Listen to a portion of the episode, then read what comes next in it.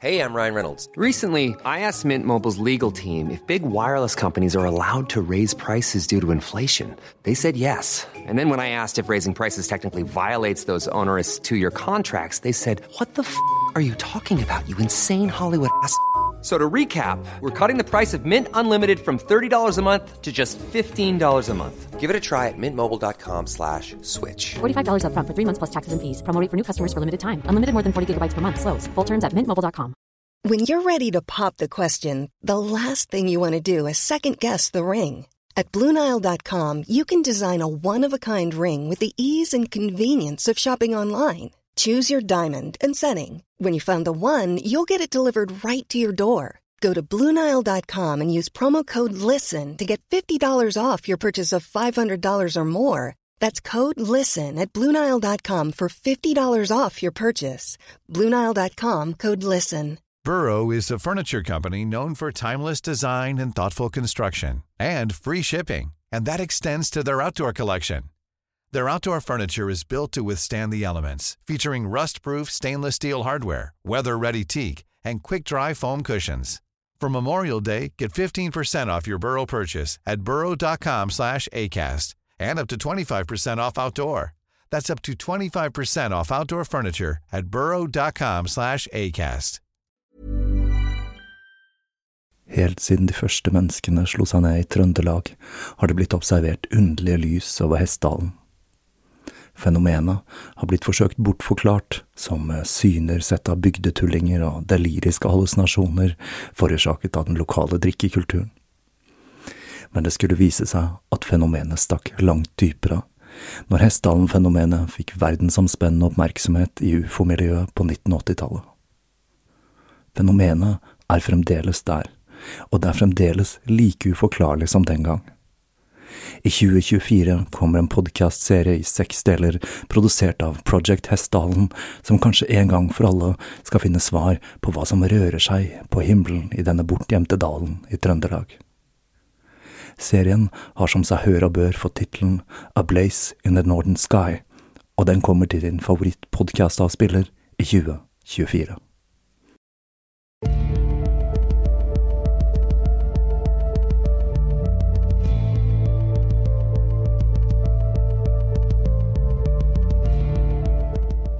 Hei og velkommen til uh, Tåkeprat. Jeg heter Even, og når jeg tar opp denne episode 197, er det den 1. september 2022. Nå er tiden endelig inne for den tredje delen i sagaen om Marilyn Monroe. Det har skjedd mye på hjemmefronten i det siste, ikke minst på grunn av ny jobb, så jeg ligger nok litt etter mitt eget sendeskjema her. Men den som venter på noe godt, venter ikke forgjeves, som det heter. Du kan finne ut mer om det på Hjemmefrontmuseet. Det var dagens første og eneste pappavits, noe jeg føler passer bra inn i en serie om en dame med et betydelig farskompleks. For det første så har jeg nå funnet ut av hvordan jeg skal gripe an episode 200. Jeg fikk et ønske om å gjøre dette som en live-episode, og det er et ønske som ser ut til å bli virkelighet. Dette er en podkast som innimellom faktisk kan gjøre at drømmer går i oppfyllelse. Den datoen jeg har klart å få til, som ligger nærmest når denne episoden bør være i boks, er den 5. oktober. Dette er en dato midt i høstferien i Oslo, men jeg håper at det allikevel er en del som tilbringer høstferien i Tigerstaden, og som har lyst til å ta turen. Igjen så har jeg lagt arrangementet til Kafé Hærverk. En plass som gjorde den forrige livecasten til en særdeles trivelig affære for meg, og jeg tror den også var det for dere som var til stede. Slik jeg ser for meg kvelden, blir dette et litt annerledes opplegg enn forrige live. Jeg ser for meg dette som en reise gjennom alle 200 episodene, med refleksjoner rundt hva jeg har tatt med meg fra de ulike temaene, og kanskje litt om hvordan de ulike episodene ble tatt imot. Dette blir rett og slett et gjensyn med en rekke uforglemmelige karakterer, grusomme hendelser og øyeblikk som har preget meg, og sikkert mange av dere, siden den spede starten i 2016. Jeg kommer til å annonsere dette arrangementet snart, og som sist så tror jeg at jeg kommer til å forhåndsselge billetter fra tåkeprat.com, i tillegg til i døra om arrangementet ikke blir utsolgt på forhånd. For å få dette til å klaffe, så må jeg presse inn resten av livshistorien til Marilyn i to episoder. Jeg hadde egentlig sett for meg tre her, men da blir det heller to ganske omfattende deler. Men jeg synes det er på sin plass å avslutte historien om Marilyn Monroe før jeg gyver løs på min egen podkast-saga, som heldigvis er litt mindre trist enn Marilyn sin. Og snakker om Marilyn Monroe.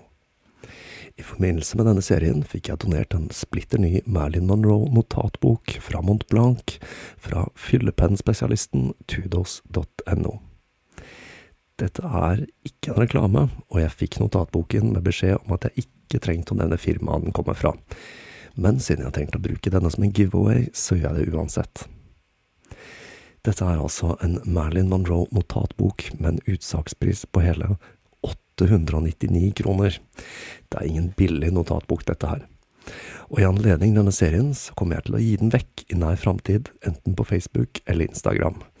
Så det gjelder å følge med der om du har lyst til å skaffe deg hva som vel må kunne beskrives som en luksusnotatbok som hyller et av de 20. århundrets mest ikoniske damer.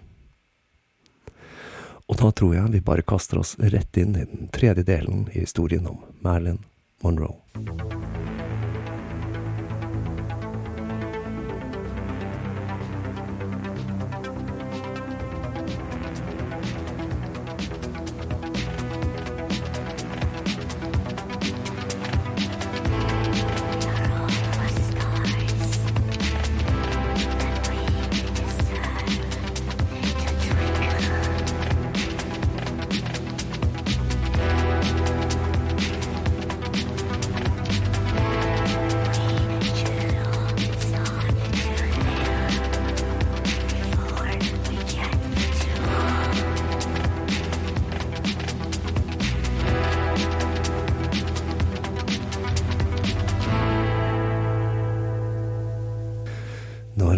Når møtte Natasha Lightes i 1948, var Natasha 35 år.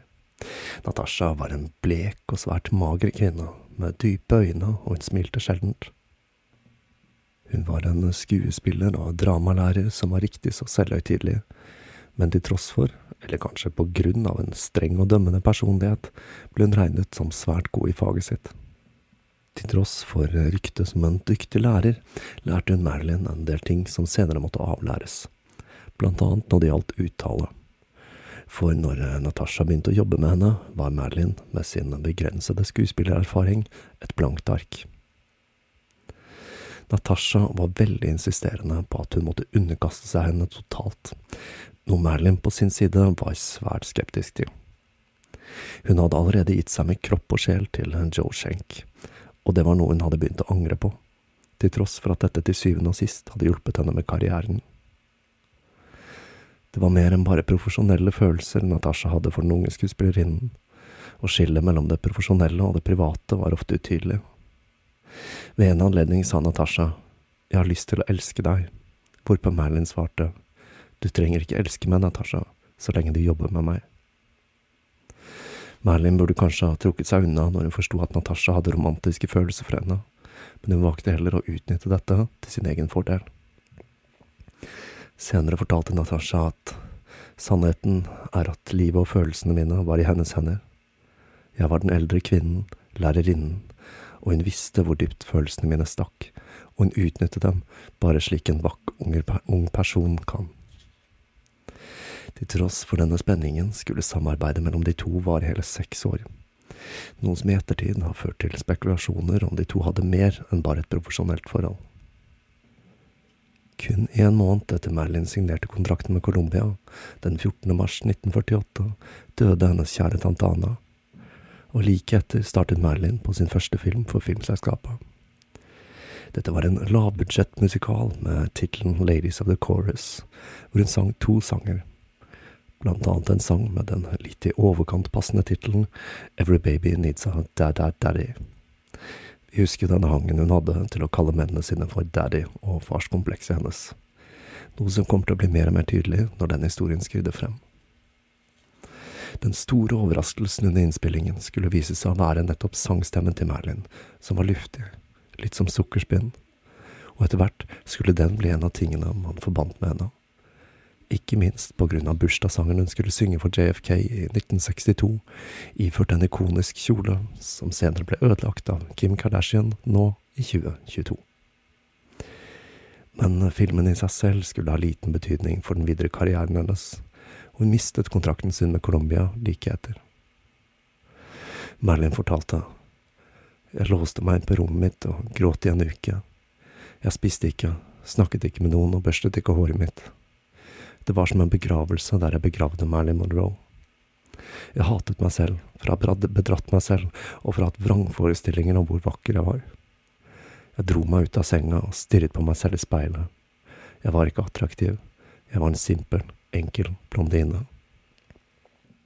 Marilyn leide seg en enkel leilighet i Hollywood Studio Club, som var et bofellesskap for kvinner i filmbransjen fra 1916 til 1975. Hun måtte nemlig spare, for ting gikk ikke så bra økonomisk. Samtidig så datet hun Fred Carger, som var musikkprodusenten til musikalen hun hadde vært med i. Og det var da hun, ifølge LaVey, startet forholdet med LaVey. Men lykken skulle snart snu seg. Under en nyttårsfest hos produsenten Sam Spiegel ble hun introdusert for agenten Johnny Hyde, og det skulle være med på å endre karrieren hennes. Johnny Hyde var 33 år, tynn i håret og ikke spesielt attraktiv. Han så sykelig ut, og han hadde i tillegg en faktisk hjertesykdom.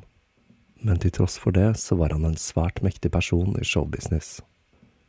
Det vi skal se med mennene Merlin ble involvert med i årenes løp, var at ingen av dem var spesielt kjekke, men tvert imot average Joes. Noe som gjorde henne enda mer populær, da den ordinære mannen i gata kunne drømme om at han kanskje kunne ha en sjanse hos et ikon som Merlin. Så gikk det som det gikk med så mange av de mennene som møtte Merlin. Han ble hodestups forelsket. Allerede på nyttårsfesten visste han at han måtte ha henne. Han begynte å sende henne blomster og kjærlighetsbrev, og han fortalte henne at han hadde kontakter som kunne hjelpe henne med å bli en stjerne. Marilyn på sin side så også noe spesielt til Johnny. Det var ikke akkurat kjærlighet, men han var den første som ikke trakk på smilebåndet når hun fortalte at hun ville bli skuespiller.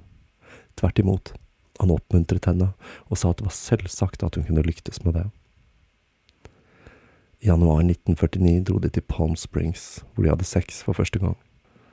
Denne gangen var Merlin tiltrukket av mannen, og hun lå ikke med han kun for karrierens skyld, selv om det selvsagt ikke skadet for en måned senere gjorde hun en prøveinnspilling for en Marx Brothers-film, Love Happy. Og til tross for at hun kun fikk en bitte liten rolle, gjorde hun veldig mye ut av seg på promoteringsturneen til filmen, som besøkte en rekke store byer hvor Marilyn fikk vist seg fram.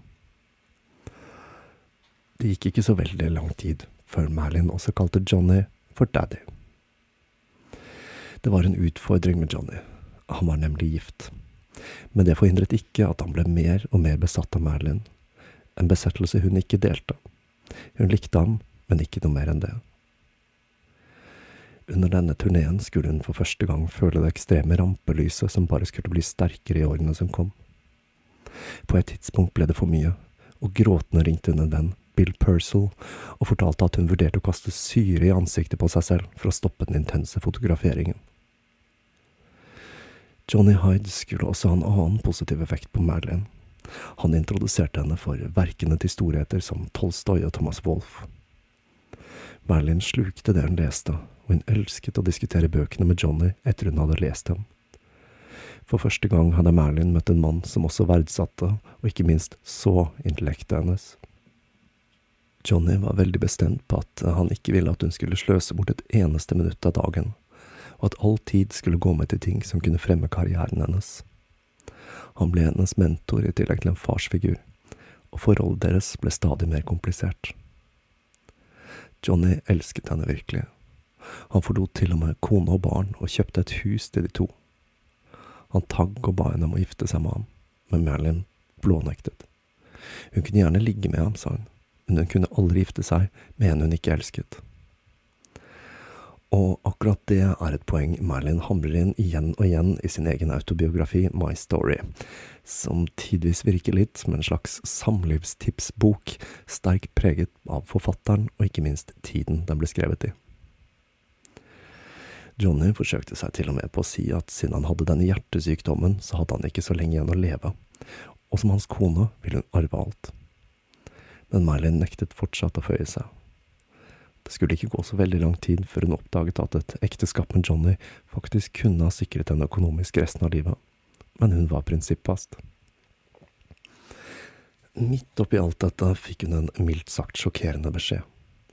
Moren Gladys, som jo hadde forsvunnet, hadde giftet seg med en viss John Stuart Elay. Litt overrasket forhørte Marilyn seg med Grace om hun hadde noen anelse om den, hvem denne mannen var, og hvor moren hadde møtt han.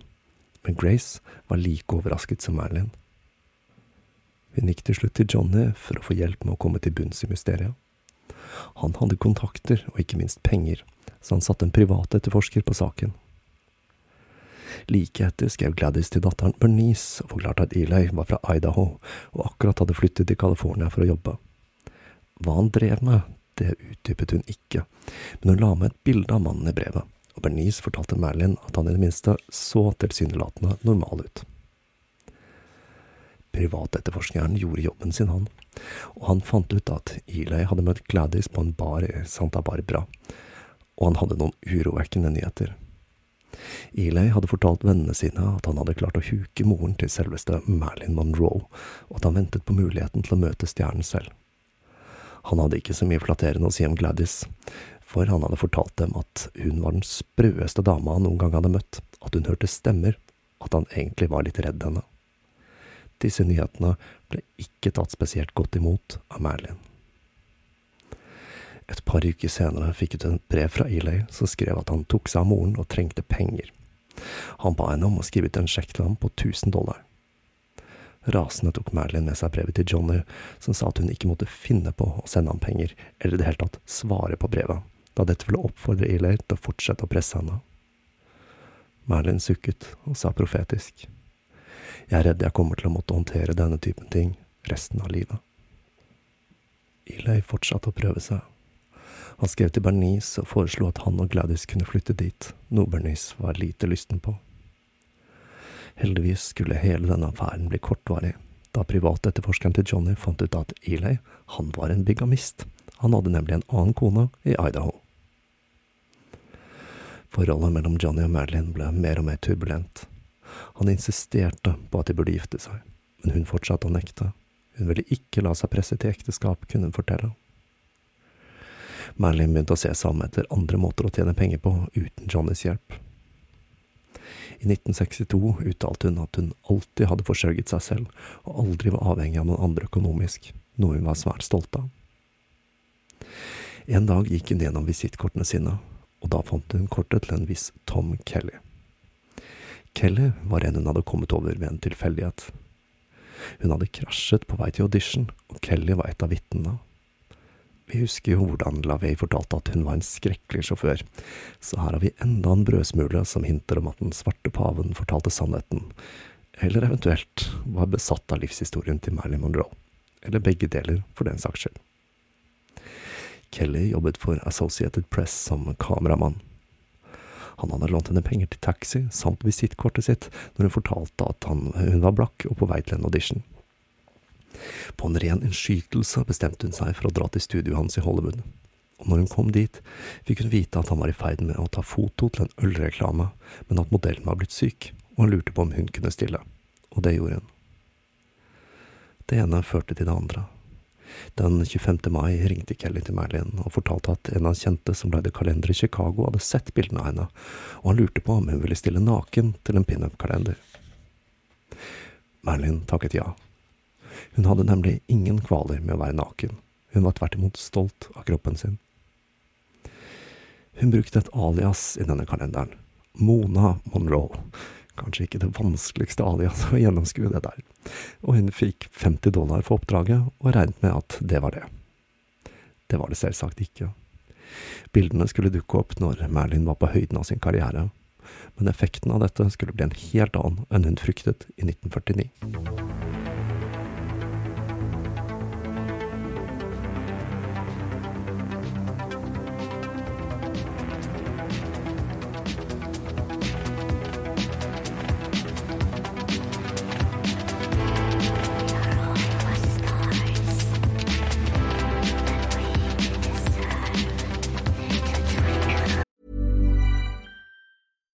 Mother's Day is around the corner. Find the perfect gift for the mom in your life with a stunning piece of jewelry from Blue Nile. From timeless pearls to dazzling gemstones, Blue Nile has something she'll adore. Need it fast? Most items can ship overnight. Plus, enjoy guaranteed free shipping and returns. Don't miss our special Mother's Day deals. Save big on the season's most beautiful trends. For a limited time, get up to 50% off by going to Blue BlueNile.com. That's Blue BlueNile.com. There's never been a faster or easier way to start your weight loss journey than with PlushCare.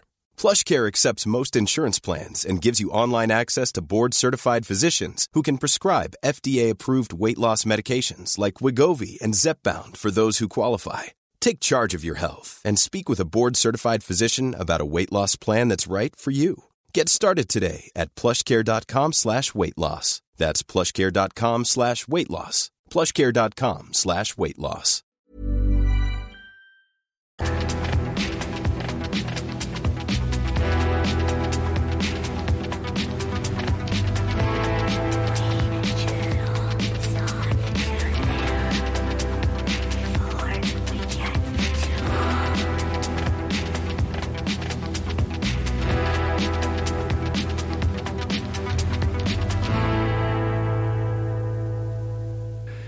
Mot slutten av året skulle lykken snu seg i filmkarrieren til Merlin.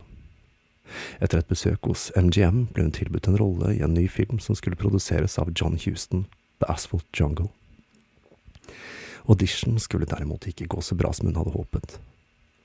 Hun var klar over at dette skulle være en sexy rolle, og kledde seg derfor så sexy hun bare klarte til prøvelesningen av manus, noe som nesten kostet henne rollen, da regissøren fikk inntrykk av at hun kun lente seg på utseendet og ikke skuespillertalent. Men til tross for at det nesten skar seg under audition, fikk hun filme en prøvescene, og etter å ha øvd iherdig med Natasha, fikk hun til slutt den rollen som var et stort skritt framover i karrieren hennes.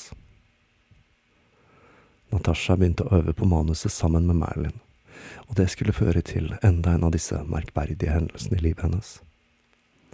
En kveld kom hun til Marilyns leilighet for å lese manus. Hun så at lyset var på da hun nærmet seg, men idet hun banket på, ble det slukket og det ble helt stille. Natasha fortsatte å banke på og ropte navnet hennes. Til slutt ble lyset skrudd på igjen og Merlin åpnet. Hun fortalte at hun hadde vært redd fordi hun hadde hørt menn snakke utenfor døren, og at hun hadde skrudd av lyset for å gjemme seg. Natasha avveide hendelsen med at scenen de skulle øve på, dreide seg nettopp om en gruppe menn som stormet leiligheten til karakteren hun spilte. Men de merkelige hendelsene skulle ikke gi seg med det. Under forberedelsene til filmen fortalte Marilyn flere ganger at hun hørte stemmer, og hun spurte om ikke Natasha også kunne høre dem. Nå begynte Natasha å bli alvorlig bekymret, og hun bestemte seg for å ta kontakt med Johnny Hyde for å høre om han kunne hjelpe til. Det å ta kontakt med ham satt langt inne for Natasha, som selv hadde sterke følelser for Marilyn, og på det tidspunktet var hun overbevist om at Johnny kun brukte Marilyn som et leketøy. Natasha var så overbevist om at Merlin ikke trengte John lenger, men slik ting så ut, så så hun ingen annen løsning enn å spørre ham om hjelp. Hun hører stemmer, sa Natasha. Johnny var ikke overrasket, men han ble derimot svært bekymret, noe som overrasket Natasha. Men han kunne fortelle at han visste om noe som kunne hjelpe. Og da er vi tilbake til en skikkelig tåkepratklassiker. For det var en ny farsott i Hollywood, og det var barbiturater. Bivirkningen til denne klassen beroligende preparater var lite kjent, og det at de stort sett bare var tilgjengelige for rike og vellykkede, gjorde at de hadde en aura av suksess. Og barbiturater, da i form av medikamentet Luminal, hadde virkelig en aura av suksess, da de ble benyttet i stor skala i Nazi-Tysklands eutanasiprogram. Det var spesielt barn med handikap eller uønsket etnisk opphav som ble drept med medikamentet. Det hele var så effektivt at Adolf Hitler selv beordret hele prosjektet lagt ned i 1941 på grunn av kritiske røster. Men programmet fortsatte i hemmelighet. Noen estimater har beregnet at ca. 5000 barn ble drept med luminal, mens andre mener at tallet er langt, langt høyere. Og så må vi jo nevne stoffets sentrale rolle i diverse masseselvmord og kulter. Men nok om det. For Merlin så var dette en mulighet for å leve et liv uten konstant angst. For stoffet har jo tross alt andre bruksområder enn barnedrap.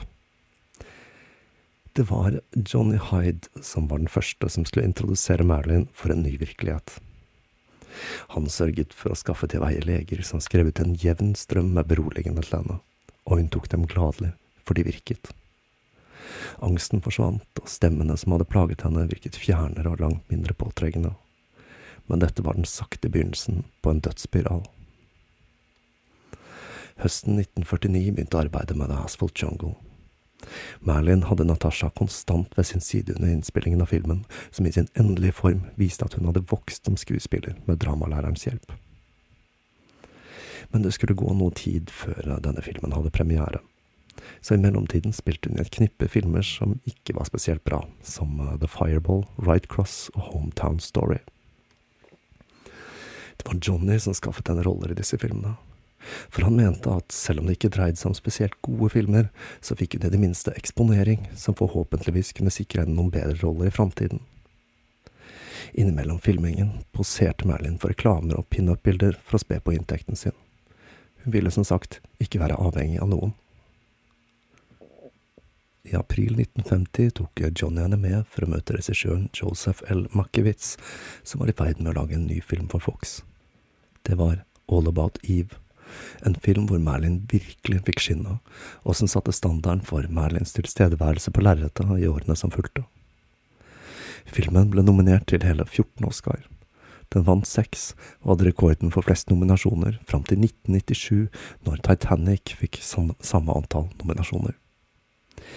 1951 var også det eneste året Marilyn Monroe skulle delta på Oscar-utdelingen, da for å dele ut Oscar for beste lyd til Thomas Molton for arbeidet hans med nettopp All About Eve. Det skjedde andre ting samtidig. Merlin flyttet inn sammen med Natasha, men de hadde visstnok kun et platonisk forhold.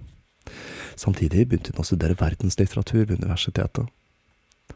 Som vi har sett tidligere, så var hun veldig fascinert av litteratur, og det er flere som bemerker at Merlin var ekstremt smart på tomannshånd.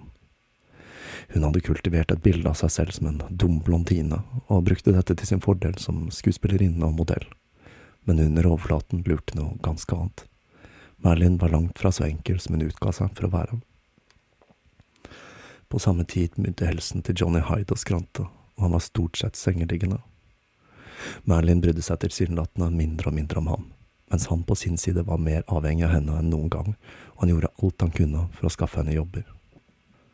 Johnny ville så gjerne at hun skulle få en fast kontrakt med Fox, og for å få til det skaffet han henne en audition til en film som het As Young As You Feel. Merlin var først veldig gira på rollen, men hun ble knust da hun oppdaget at hun skulle spille en dum sekretær, en rolletype hun følte at hun hadde vokst fra. Johnny elsket virkelig Merlin, og Joe Schenk spurte henne om hvorfor hun ikke bare kunne gifte seg med han. Hva hadde hun å tape? Til det svarte Merlin at hun aldri kunne gifte seg med en hun ikke elsket. Vil du heller ha en fattig gutt du elsker enn en rik mann som elsker deg, spurte han.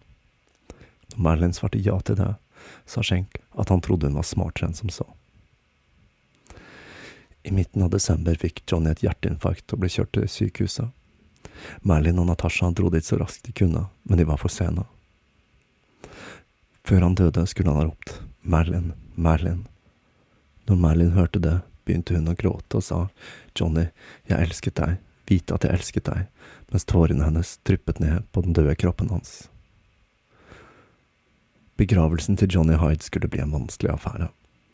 Den fraseparerte kona hans nektet å la Merlin delta, noe som gjør det hele ekstremt vanskelig for henne. Det verserer litt forskjellige historier om hvordan det utspant seg. En versjon kledde Merlin og Natasha seg ut som tjenere og snek seg inn i dagen i forveien og holdt vigil hele natten. Ifølge Merlin sin egen versjon trosset hun kona og dukket opp i begravelsen hvor hun kastet seg på kista mens hun gråt og skrek til hun måtte bæres vekk. Uansett hva som skjedde i selve begravelsen, er det sikkert at Merlin ble ved graven til sin tidligere elsker etter begravelsen, og hun forlot den ikke før solen gikk ned. En kveld Natasha kom hjem, et par dager etter begravelsen, fant hun Merlin livløs på soverommet. Hun var blek, og Natasha la merke til at kinnene var fulle av noe. Hun tvang munnen åpen, og oppdaget at den var full av piller som var i ferd med å gå i oppløsning. Når hun ristet henne våken, fortalte Merlin at hun hadde hatt problemer med å sove, at hun hadde tatt en hel haug med reseptfrie sovepiller, men at hun hadde sovnet før hun hadde klart å svelge dem. En ganske tvilsom historie, det der, og det var nok det første av mange selvmordsforsøk som skulle hjemsøke Merlin og hennes tragiske tilværelse. Når Johnny død hadde ikke Merlin bare mistet en av sine nærmeste allierte, men også det nærmeste hun hadde til en farsfigur. For å bøte på det bestemte hun seg for å oppsøke Charles Gifford, mannen hun var overbevist om at var hennes biologiske far. Etter å ha undersøkt litt, fant hun ut at han hadde flyttet til Nord-California, hvor han hadde giftet seg på ny og startet med fjørkre. Den nye kona hans hadde dødd like etter, og han hadde startet et meieri i hemmet og giftet seg for tredje gang. Merlin bestemte seg for å dra direkte dit, i et håp om at det å overraske ham ville være til hennes fordel. Med litt overtalelse fikk hun med seg Natasha, og de to kjørte til gården. Etter de hadde parkert i oppkjørselen, fisket Merlin fram et motemagasin med et bilde av henne selv på forsiden, i tilfelle han Charles ikke visste hvem hun var. Hun gikk bort til døren og banket på, men det var ikke Charles som åpnet, det var Mary, hans nye kone. Det hele førte til en kort samtale mellom de to, og Merlin fikk visittkortet hans. Det var det siste forsøket hun skulle gjøre på å ta kontakt med ham. I 1962 ble han diagnostisert med kreft, og historien går slik at han forsøkte å kontakte Merlin via en sykepleier.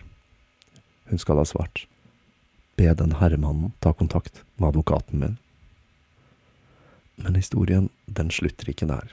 I år, i 2022, bekreftet en DNA-analyse av Charles Stanley Gifford at han var Marilyn Monroes faktiske biologiske far, noe som gjør det hele enda mer trist. Det hører også med til historien at sønnen til Charles blånektet på at faren var faren til Merlin, og i alle år hevdet at Merlin plaget familien hans med denne påstanden. Dette er ganske trist, men tristere, det skal det bli.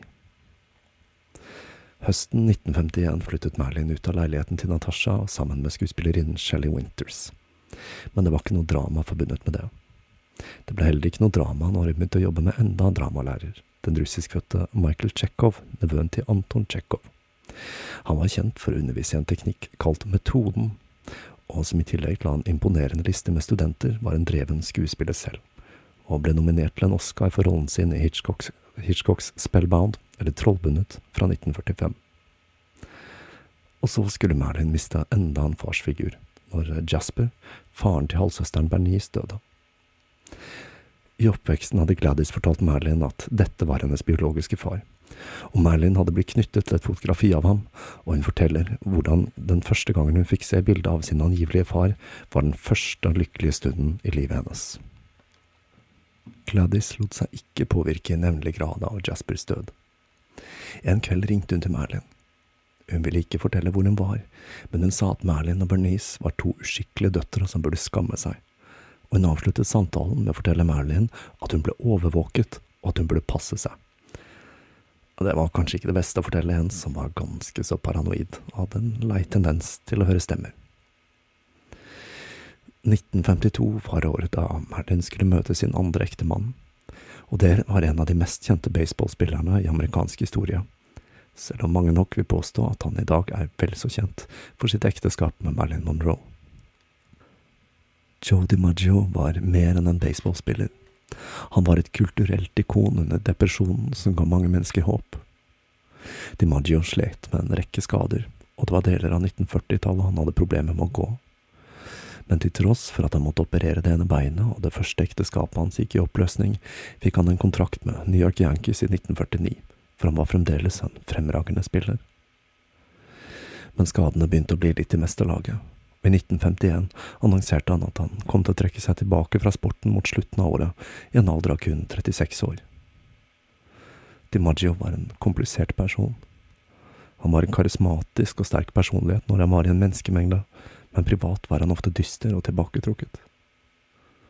Selv om han hadde møtt Merlin så vidt noen år tidligere, så går historien slik at han så henne for første gang i en fotoserie hun hadde tatt for The White Sox, og han bestemte seg for at han ville ha henne.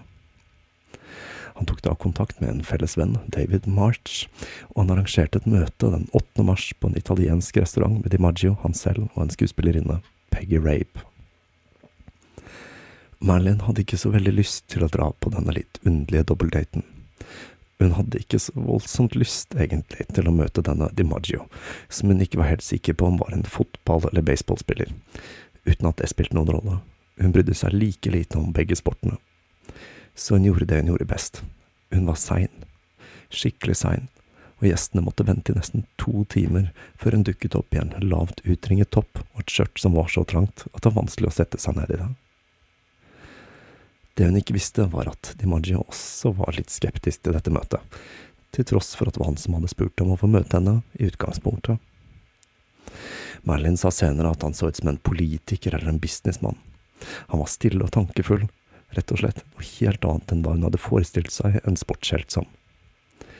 Det som imponerte henne spesielt, var at han hadde en total dominans over hele restauranten, til tross for at han stort sett var stille og tilbaketrukket. Han var heller ikke stort å se på, han haltet, men det spilte liten rolle med den kraftige personligheten han utstrålte. Etter de hadde spist, unnskyldte Merlin seg og sa at hun måtte tilbake til hotellet for å hvile. DiMaggio tilbød seg å følge henne til bilen, og når de kom til den, spurte han om hun ikke kunne kjøre ham tilbake til hotellet hans. Lite visste han om hennes egenskaper som sjåfør. Nei da. Når de kom tilbake til hotellet hans, hadde kjøreturen vært så trivelig, og det var en så usedvanlig vakker kveld, at de to bestemte seg for å fortsette å kjøre rundt i Beverly Hills de neste tre timene. Etter denne middagen begynte Marilyn Monroe å kjenne på en følelse hun aldri hadde kjent på før. Tiltrekningen hun følte til Joe DiMaggio, skulle bli begynnelsen på et forhold som var ulikt alle hun hadde hatt tidligere.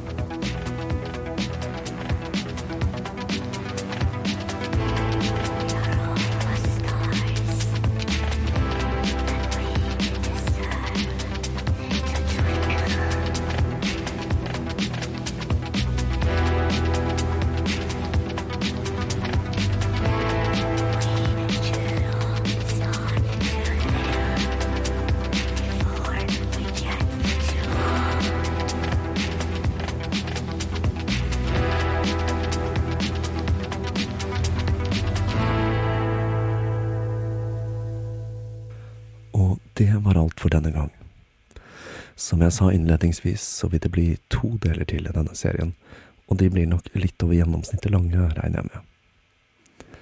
Det gjelder altså å følge litt med på tåkepratet i sosiale medier framover. Så kan det hende at du blir vinneren av denne ekstremt eksklusive notatboken som hyller livet til selveste Marilyn Monroe.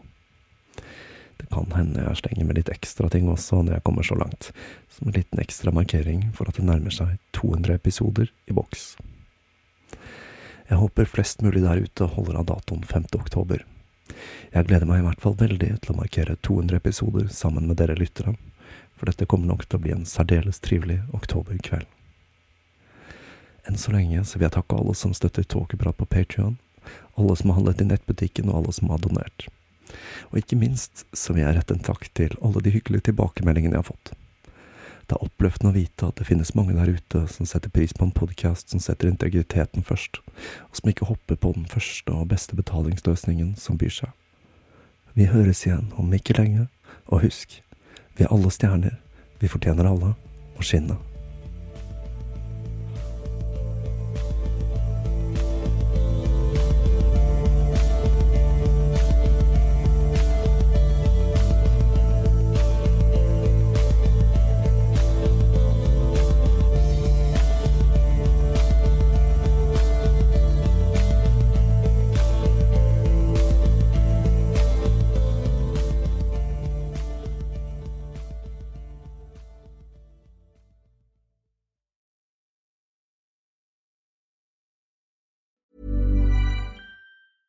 Hey, it's Danny Pellegrino from Everything Iconic. Ready to upgrade your style game without blowing your budget? Check out Quince. They've got all the good stuff shirts and polos, activewear, and fine leather goods, all at 50 to 80% less than other high end brands. And the best part? They're all about safe, ethical, and responsible manufacturing. Get that luxury vibe without the luxury price tag. Hit up quince.com slash upgrade for free shipping and 365 day returns on your next order. That's quince.com slash upgrade. Hi, I'm Daniel, founder of Pretty Litter. Cats and cat owners deserve better than any old fashioned litter. That's why I teamed up with scientists and veterinarians to create Pretty Litter. Its innovative crystal formula has superior odor control and weighs up to 80% less than clay litter.